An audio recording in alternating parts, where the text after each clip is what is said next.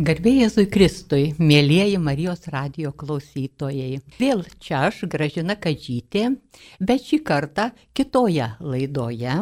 Ir šioje laidoje kviečiu Jūs pasiklausyti apie Lietuvos šviesuolį, kuriam šviesti Lietuvos padangėje teko labai nedaug. Tik tai 33 metus, bet jis paliko labai šviesų atminimą.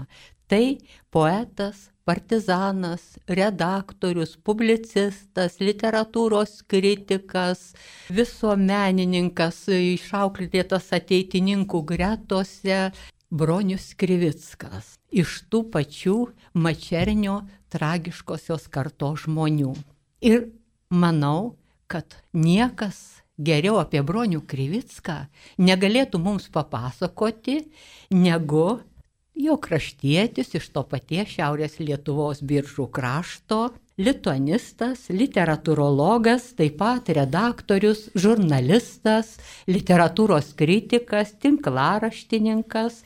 Virginijus Gasiliūnas. Virginijus Gasiliūnas yra iš tų jaunuolių studentų, kurie sukūrė ir leido jaunimo kūrybos almanachą Sietyną 1988 iki 1991 metų, darbavosi prestižinėse vagos Baltų lankų leidyklose, o dabar jis yra mano kolega Lietuvių literatūros ir tautosakos instituto mokslinės bibliotekos rankraštyno vedėjas, kaip tik tai turinti savo rankose visus mūsų, kiek patenka į mūsų biblioteką, rašytojų paveldo dokumentus, rankraščius, visą, ką jie kūrė, ko jie gyveno.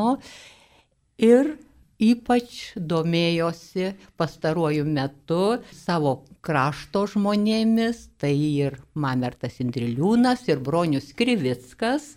Kaip žinoma, 1998 metais už Broniaus Krivicko kūrybinio palikimo tyrinėjimą Virginijus Gasiliūnas apdovanotas į Laisvę fondo reprezentacijos premiją. Na, o premijos pamatas toks labai svarus, tai yra puikiai ir akademiškai ir visapusiškai paruošti Broniaus Krivicko raštai ir aš matau, kad Virginijus Gasiliūnas kaip tik tai su tais raštais ir atėjo. Taigi, Mielas Virginijau, sveikiname su jumis Marijos radio eteryje šį kartą. Ir pradėkime kalbą, nežinau, palieku jau jūsų valiai, kaip jūs tą kalbą pradėsite, ar nuo savo tos bendros biržų krašto patirties pasaulėjautos, ar nuo literatūrologinės, kaip jūs manytumėte, galime pristatyti Bronių Krivicką. Gal ne nuo paties broniaus Krivicko pradėsiu, o nuo tokios minties, kuri sukasi galvoj pastaruoju laiku, kai viskas gerai, kai nieko tragiško nevyksta, mums atrodo, kad menas, literatūra yra, na, laisvalaikio praleidimo forma, kad, na, tai yra, tarkim, mokyklinių pamokų tam tikros temos, bet e, juk ateina toks laikas, kai prireikia literatūros, kaip čia pasakykim taip, gyvenime.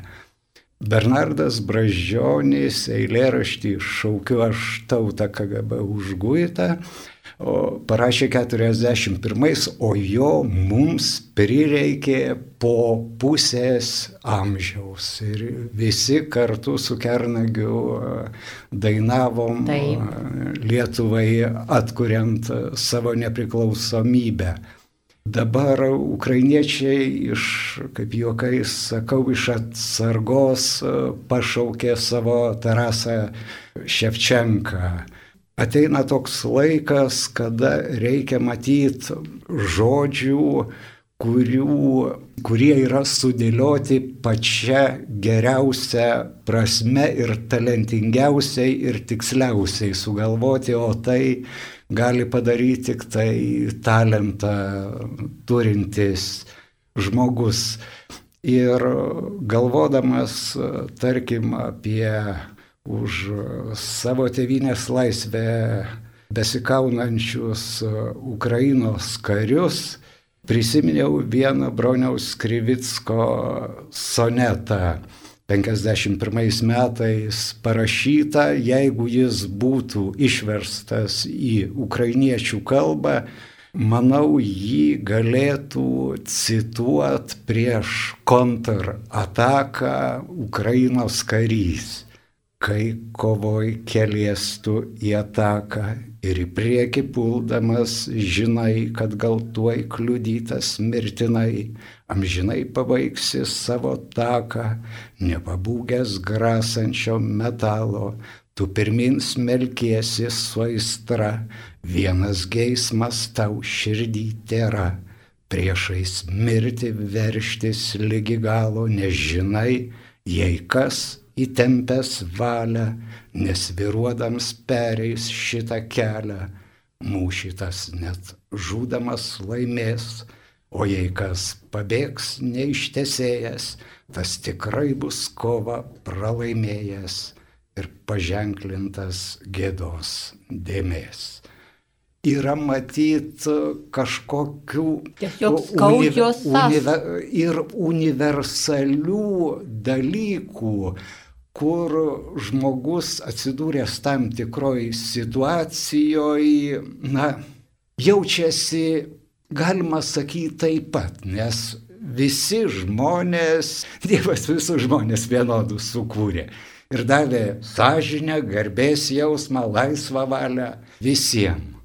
Tai Lietuva karo, kariuomenė Lietuvos karo nekariavo, bet partizaninis karas, va tai ir yra tas Lietuvos karas 20-ojo amžiaus, kuris, na, lygintinas, gretintinas su tuo, tarkim, kas dabar vyksta, nes sukilimai XIX amžiaus tai yra jau toloka, tai yra truputį kas kita. O mūsų partizaninis karas tai va ir yra ta mūsų kovos už laisvę patirtis. Bet Virginijau, kaip tik jums kalbant, aš ir pagalvojau, jūs sakot, taip va, partizaninis karas, karas po karo, bet iš tiesų jis ir buvo traktuojamas kaip karas, aš prisiminiau iš Čiornėje Padinos vieno to tenykščio lietuvio, tremtinių palikonio, kada jį paėmė į kariuomenę ir norėjo paskirti į NKVD dalinius ir pažiūrėjo, kad litovės.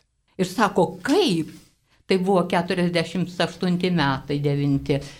Tengi mes kariaujam, jie kariauja prieš mus, ten vyksta karas, buvo priimama kaip iš tiesų karas. Tik tai tas karas buvo toks, kad tame kare buvo ne tik tai kadriniai karininkai ir apmokyti kareiviai, bet štai tokie diplomuoti aukštos kvalifikacijos, tarkime, lituanistai, kaip Bronius Krivickas, kuris prisiminimuose sakoma, partizanai jį gerbė, vadino profesorium ir net jisgi buvo išskirtinis, dažniausiai ne partizanų uniformą nešiodavęs, bet buvo apsirengęs kaip kažkas čia pasakęs irgi miesto inteligentas atėjęs į mišką pakvėpuoti grino oru, bet tas grino oro gurkšnis galėjo būti tiems, kurie jį matė ir kurie klausėsi jo ir poezijos, ir publicistiką skaitė.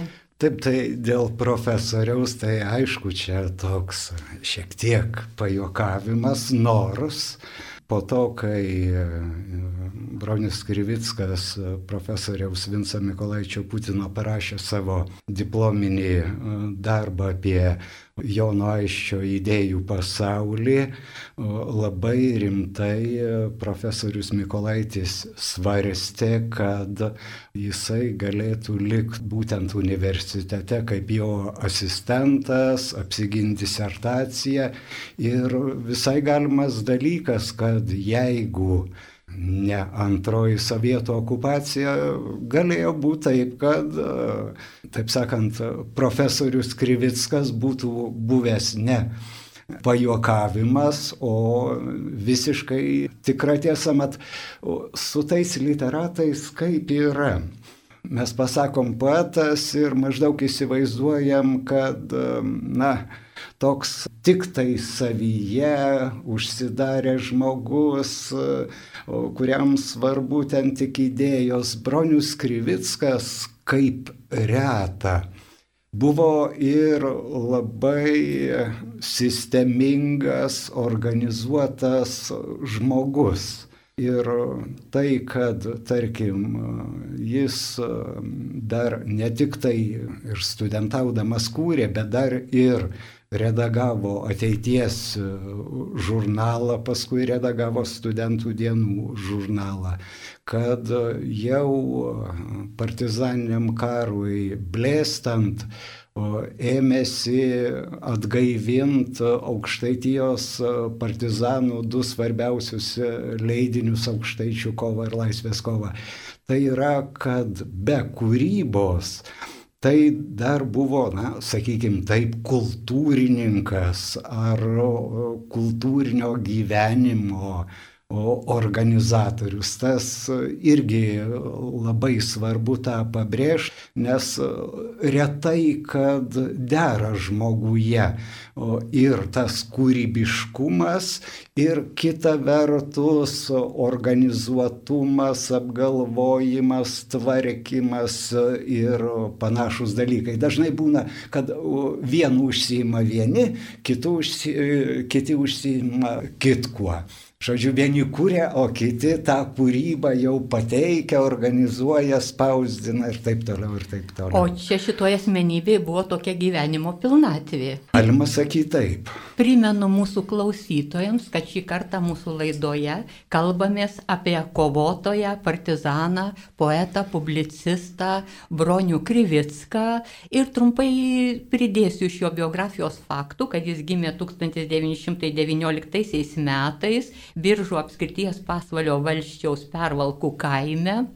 E, ten paskui baigęs pradinę mokyklą mokėsi Biržų gimnazijoje, ateitininkų organizacijos narys ir jau tada skaitė savo kūrybą ateitininkų. Ir štai ši čia man taip įdomiai pasirodė kaip tik va iš tos raštų knygos, kurią aš irgi skaičiau ruoždamasi šitai laidai, kad jis taip įdomiai pradėjo lyg ir gimnazijoje nuo feljetono. O feljetonas tai yra jau publicistikos žanras, kada reikia gerokai pastebėti tą detalę, kuri šiek tiek mums galbūt kliudo gyventi, kuri kelia tokį nepatogumą. Ir, ir pateikti ją taip, kad sukeltų mums šypsnį. Tai va, čia. Tai kaip Broniaus Krivicko kūryboje, ar tos supuoklės, ar nuo publicistikos į lyriką, ar iš lyrikos į publicistiką? Pirmas dalykas, taip, Bronius Krivickas yra iš ateitininkų. Ir dar yra vienas žmogus irgi iš ateitininkų, kuris mums yra savotiškas simbolis tos kitos partizanų veiklos pusės. Juozas Lukša Daumantas irgi yra ateitininkas. Taigi, kurio, na, Lukša yra susijęs būtent su ta, su veiksmu, su kova, ta atvira, bent jau mūsų sąmoniai. Bronius Krivickas yra susijęs su tos kovos įprasminimu per žodį, tos kovos įžodinimu. Taigi du žmonės būtent yra atėję iš ateitininkų ir galbūt prisimintina apskritai apie ateitininkus nepriklausomos Lietuvos gyvenime, aš turiu galvoj tą Lietuvą, kurią mes taip paprastai vadinam Smetonos Lietuva. Kaip žinia, ateitininkų organizacija buvo įkurta 20 amžiaus pradžioj, pavadinimas atsirado nuo to paties pavadinimo žurnalo 11, 1911 metais pradėtos leisti ateities. Ateitininkų šūkis yra visą atnaujinti Kristuje.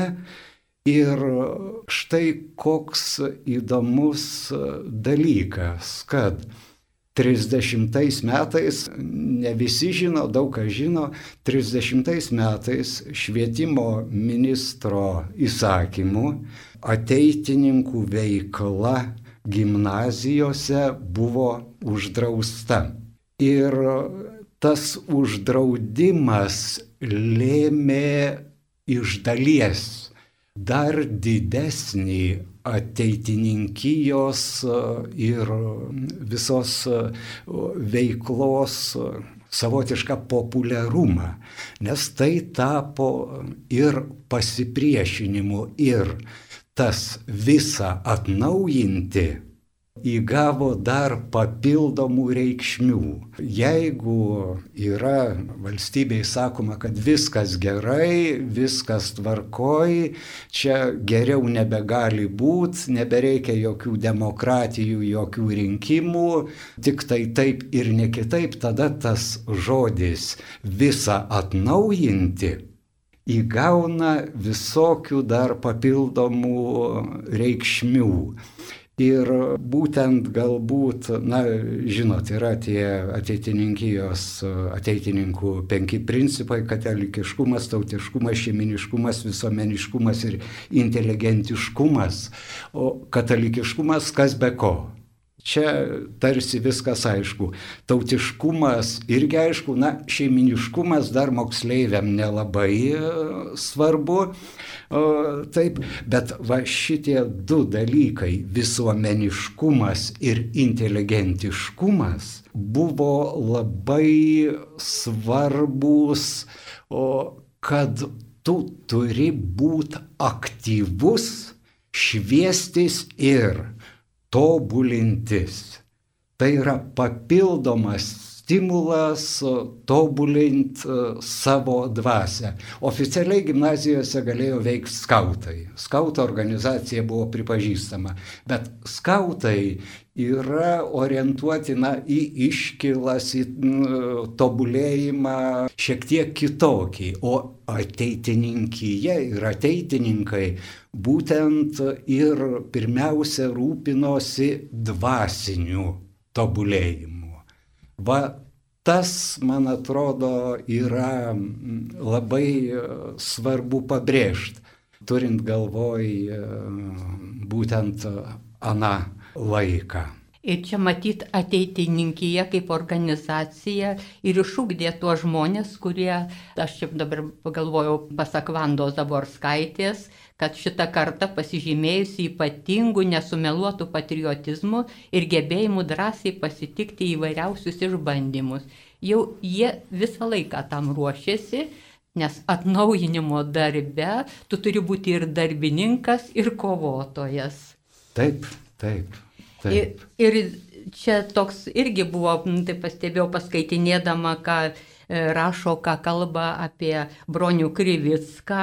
E, toks e, man įkrito apibrėžimas, kad jis atstovauja mūsų literatūros istorijoje retai poeto kario paradigmai tokia. Ir ten buvo pasvarstymas, kas jis daugiau, ar karys, ar poetas. Tai jūs kaip minėjot, jis nėra tik užsidaręs savyje poetas. Aš atsimenu šitą straipsnį, kuris buvo regis Lietuvo žiniuose. Man atrodo, neteisingai yra formuluojamas klausimas. Tas ar tas? Ir tas, ir tas. Dėl Krivicko na, mes esam taip tarsi įpratę ir um, eina nuo senų senovės, kad būklams greudžiant mūzos tyli. Tarsi vykstant karui, na, menas tampa nebesvarbus. Ir man atrodo, kad tai, kad Bronius Krivickas ne kažkur kabinete sėdėdamas, o, tarkim, čia yra tikras pasakojimas, jis slapstėsi pas tokį Paulių Bazarą, šitą jį užmūrydavo malkom, žodžiu, kad būtų kaip slėptuvė. Ir jis ten vertė gėtę 49. Žodžiu, pasakojo man žmogus sako, aš atkraunu malkų, jis išlenda, padaro keletą pritupimų ir vėl atgal ir vėl rašo, rašo, rašo. Taigi prieblandoje, mažoje erdvėje kitiems klaustrofobija gali įsivystyti. Ir kai dabar pagalvoji, kaip visi kuriejai nori, kad būtų, taip sakant, stipendijos, kūrybos namai, vis dėlto nesąlygos matyt, kurėjo sąlygos lemia, kad jeigu bus geros sąlygos, tai bus sukurti geri kūriniai. Oi, toli gražu, man atrodo. O ir Krivickas tiesiog nu, įrodymas. Kas iš to, kad buvo, turėjo būtus, taip sakant, rašytojai, kūrė kūrybos šitą, namuose. Kūrybos namuose, ar dubultuose, ar kur. Ir kas iš to? Tai taip ir dauguma, tarkim bent jau tuo laiku, kada kūrė Krivickas nuo 45 iki 52, tai, kas buvo parašyta Lietuvoje palankiose sąlygose, tas nebent literatūros istorikus, kurie krapštosi ir nori išsiaiškinti, kaipgi buvo, kaip kalbėjo tie poetai, kurie kalbėjo tik tai tai, kas buvo galima šnekėti. Tik tai literatūros istorikus te domins, o tai, ką sukūrė Krivickas, pasakykim taip, kabutėse, neturėdamas sąlygų kurti, tai išliks ir aš tuo nebejoju. Ir tai, kad Bronius Krivickas yra mokyklinėse programuose, kol bus laisva Lietuva, tol Broniaus Krivicko kūryba bus mokyklinėse programuose, nes turi jaunuomenė susipažint bent su vienu kitu pavyzdžiu, kad Lietuva buvo ne tik tai okupuota, skriaudžiama, bet kad Lietuva buvo ir kovojanti, nesusitaikiusi. Ne visi pasidavė ir iškėlė rankas, taip supaprastintai tariant ir kovojanti, ir be abejo labai tikinti, labai viltinga, nes broniaus Krivicko e, ir pačių paskutiniųjų metų, jau sakysime, prieš pat jo žūtį, straipsniuose, kurie buvo spausdinti partizaniniai spaudoje. Taigi yra tiesiog ateičiai numatyta, kaip ten Lietuvoje bus ateičiai apie laisvės kovą ir didvyriškumą, įsilaisvinus. Taip, taip, taip, Lietuvai. ten, ten yra, tuo galima būtų pabaigti laidą, nes ten mano supratimu, o, Krivickas pasakė tai, ką dabar bando suformuluoti istorikai žvelgdami į visą priešinimąsi sovietiniai okupacijai. Kodėl buvo priešinamas ir kokia to pasipriešinimo prasmė. Tai galbūt tikrai tą citatą mes ir pabaigsime laidą pažiūrėdami. O dėl paties e, Krivicko, šitą man atrodo, yra, kiek aš žinau, netgi melodija yra sukurta ir man teko girdėti vienam Bronius Krivicko 49 metais sukurtam sonetui padainuotai aš nepadainuosiu, bet paskaityti galiu. Prašom. Tegu krenta mum likimo kirčiai, nepabūkim šios baisios kovos ir tiesos ir Dievo vėliavos, nepaleiskim lygi savo mirčiai. Daugel brolių seserų jau krito, kad jį būtų amžinai skaisti, juos atminkim ir visą tvirti, būkime liktie kalnai granito, glauskime jo šilką prie krūtinės ir lik pat minutės paskutinės neškim ją siubuojančią žemę ir žinokim, kad kovoj mum kritus, ją paims ir neš lygalo kitas, kol iškils ji baukšte aukštame. 49, 89 ir iškilo. Taip, ir dar turbūt galime palikti vietos lauškelį, kiek tų datų mes galėsime dėti. Taip. Ir čia Virginijau mūsų Marijos radijoje mes esame, kalbame apie poetą partizaną Bronių Krivicką. Iš tai jūsų cituotame eilėraštyje ir kovos, ir Dievo vėliava. Ir tiesos, ir Dievo, su tiesos ir Dievo vėliava. Su tiesos ir Dievo Yra vėliava. Dvi vertybės, į kurias atsirėmus ir tavo kova, ir pagaliau tavo žūtis įgauna prasme, nes juk žmogus e, gyveni ne tam, kad kuo ilgiau pagyventum, kuo ilgesnį gyvenimą nugyventum, kad tavo gyvenimas būtų prasmingas, juk, juk dėl to žmogus gyveni, kad paliktum e, prasme, vertę, kad turėtų tas tavo gyvenimas. Ir jinai būtų išreikšta ne tik tai nugyventų metų skaičiumi. Taip, ir tas žmogus turi per visą savo gyvenimą, vieni anksčiau pradeda apie tai mąstyti ir dėliotis, kitiems sunkiau sekasi. Aš irgi, kai sekiau jūsų tą sudarytus raštu, tai tiesiog matėsi, kad gimnazijos laikų Krivickas, galbūt iš jo galima tikėtis žurnalisto, spaudos darbuotojo, satyriko, humoristo ir taip toliau. Dar pirmieji studijų metai irgi su spauda susiję. Vėliau matosi brandus literatūrologiniai darbai ir ne tik tai e, ta studija apie aistį, bet čia yra Ir apie Vaičiulaitį straipsnį, apie Braždžionį.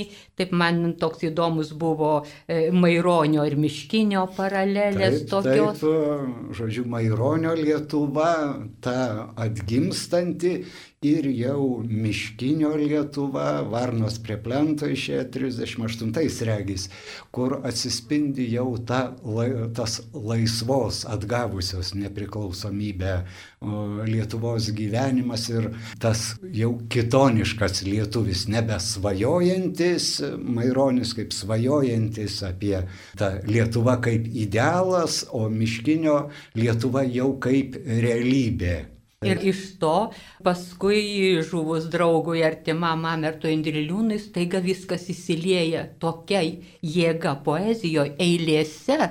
Ir vėlgi man įspūdį labai padarė, kad nemažai yra ir religinės tematikos toje poezijoje. Ir tas ėjimas iš pradžių lyg ir tik, sakysime, to, kas išmokta, skaityta šventojo rašto atkartojimai, prisitaikymai, adaptacijos, bet paskui pagaliau, tai jis prieina iki tokių sukrečiančių dalykų, kur yra ten šetono deklaracija Monologai, ir viešpaties atsakymas, kad, kada šetonas sako, kad taip žmogus jau su manim yra, jisai su manim kovoja ir blaškosi, nes jis yra pažeistas, o viešpas atsako, kad taip einantis iš prarajų gilių, tasai gūdus dvelkimas nebūties, kurio įsiprasmina šetonas, tai nebuvimas tik manęs paties.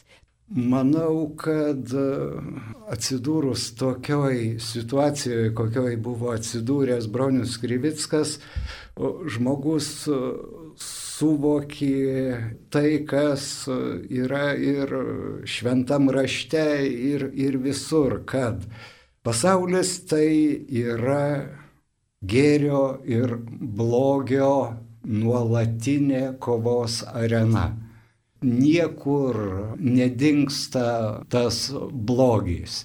Jis yra. Ir šitoj kovoj, tu, tada ta tavo kova įgauna kažkokią prasme. O su, yra Brauniaus Krivicko toks eilėraštis Davidas prieš Galijotą. Tai, na, tie partizanai, nu, pabaigoje jau tikrai keli šimtai, tai tas Dovydas prieš kariuomenę, kurią galima lyginti su Galijotu. Taip, galų gale pati Lietuva 3 milijonai prieš taip, šimtą. Taip, tai va, tai yra universalių dalykų, kur atpažinęs, kad tu dalyvauji nuo pasaulio pradžios e, vykstančiam vyksme ir pagaliau gėrio ir blogio kovoj, kuri ir kiekvienoj širdį e, ir pasaulyje vyksta, prasme įgauna.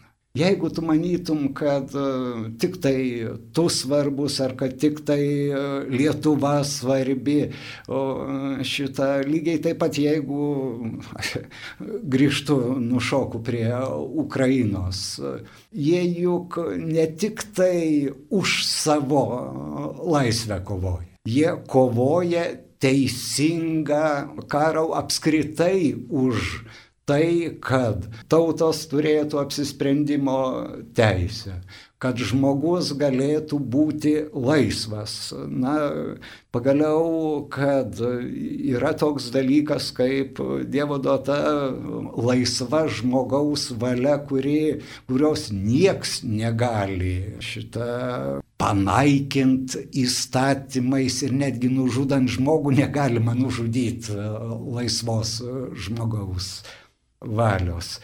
Bet čia jau mes labai skambiai pradėjom. Taip, bet mes grįždami prie to paties broniaus Kryvisko jo kūrybinio palikimo, tiesiog matome, kad šitą knygą, ačiū Dievui, jinai išleista, bet ją reikia nuolatos imti į rankas, nuolatos skaityti visur, galbūt tai sakysim ir per radiją jo poezijos skaitimai turėtų būti, tai tiesiog tai yra labai aktualu.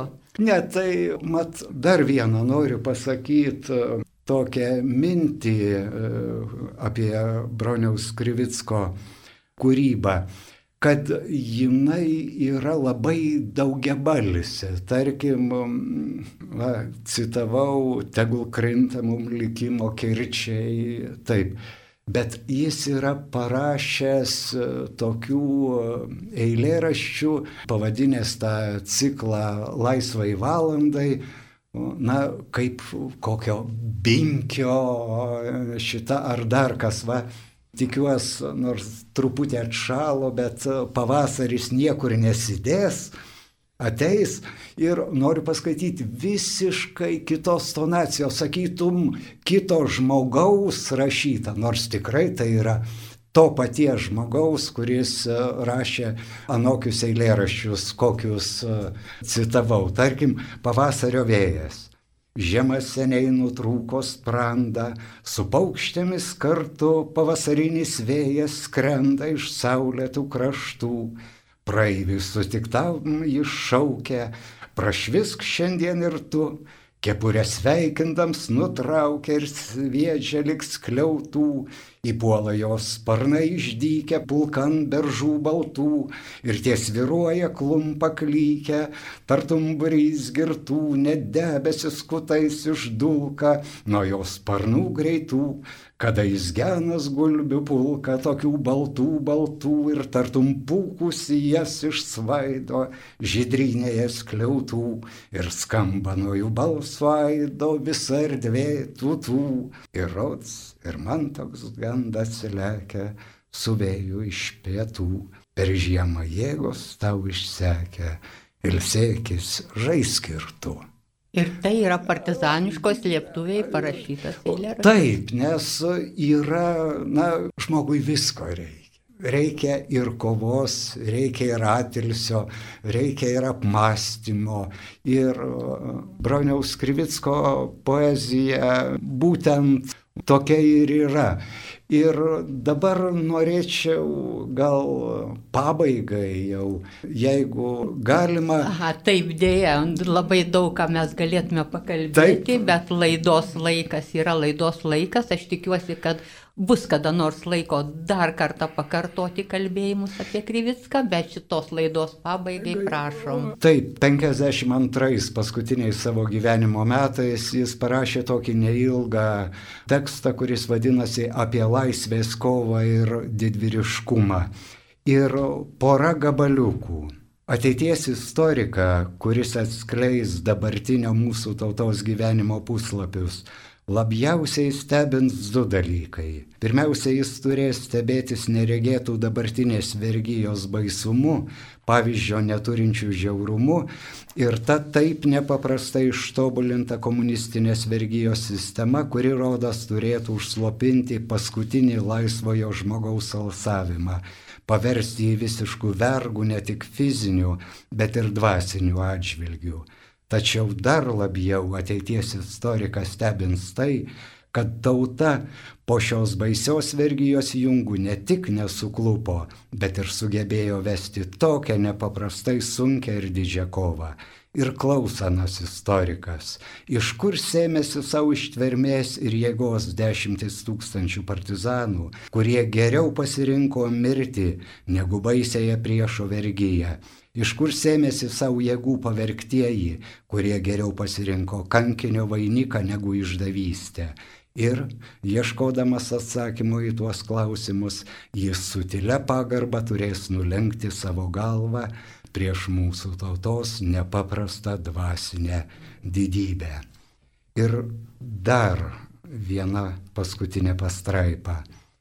Labai galimas dalykas, kad nesipriešinimas pavergėjui mūsų tautai būtų buvęs mažiau nuostolingas negu pasipriešinimas. Bet ar tauta galėjo nesipriešinti ir kodėl jinai priešinos? Greičiausiai todėl, kad jai pasirodė per daug žema ir negarbinga nusilenkti paniekai barbarybei, tapti bjauriausių dvasios išsigimėlių mindžiojama vergė. Vadinasi, tauta pakilo į kovą gindama savo žmogišką įvertingumą, gindama tai, kas visiems laisviems ir doriems žmonėms yra brangu. Tuo ji pasirodė kaip kilnus ir vertingas žmonijos bei tautų bendruomenės narys. Tuo ji įnešė savo indėlį į bendrąją žmonijos kovą dėl laisvės ir žmoniškumo idėjų. Ačiū.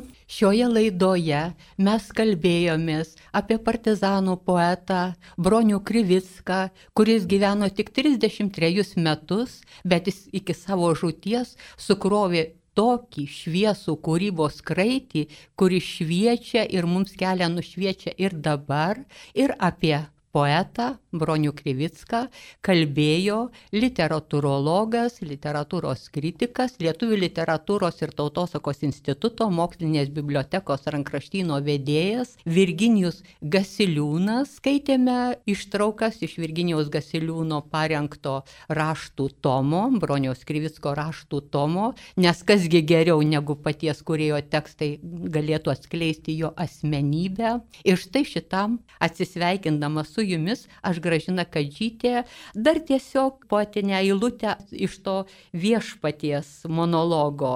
Džiūgaus gaus triumfų amžių varpas, kad baigtas jau didaus kūrimo tarpas, kad viską apsiaubė didi vienybė, ribas sutirpdė dieviška beribė. Dabar visi mes to melžiame savo, Ukrainai, visai Europai, pasauliui, tad melskimės ir vieni kitus palaikykime, vieni kitų žodžių ir ypač tuo poetiniu žodžiu, kuris ateina per metus ir taip ryškiai nušvinta mūsų kasdienybėje. Su Dievu.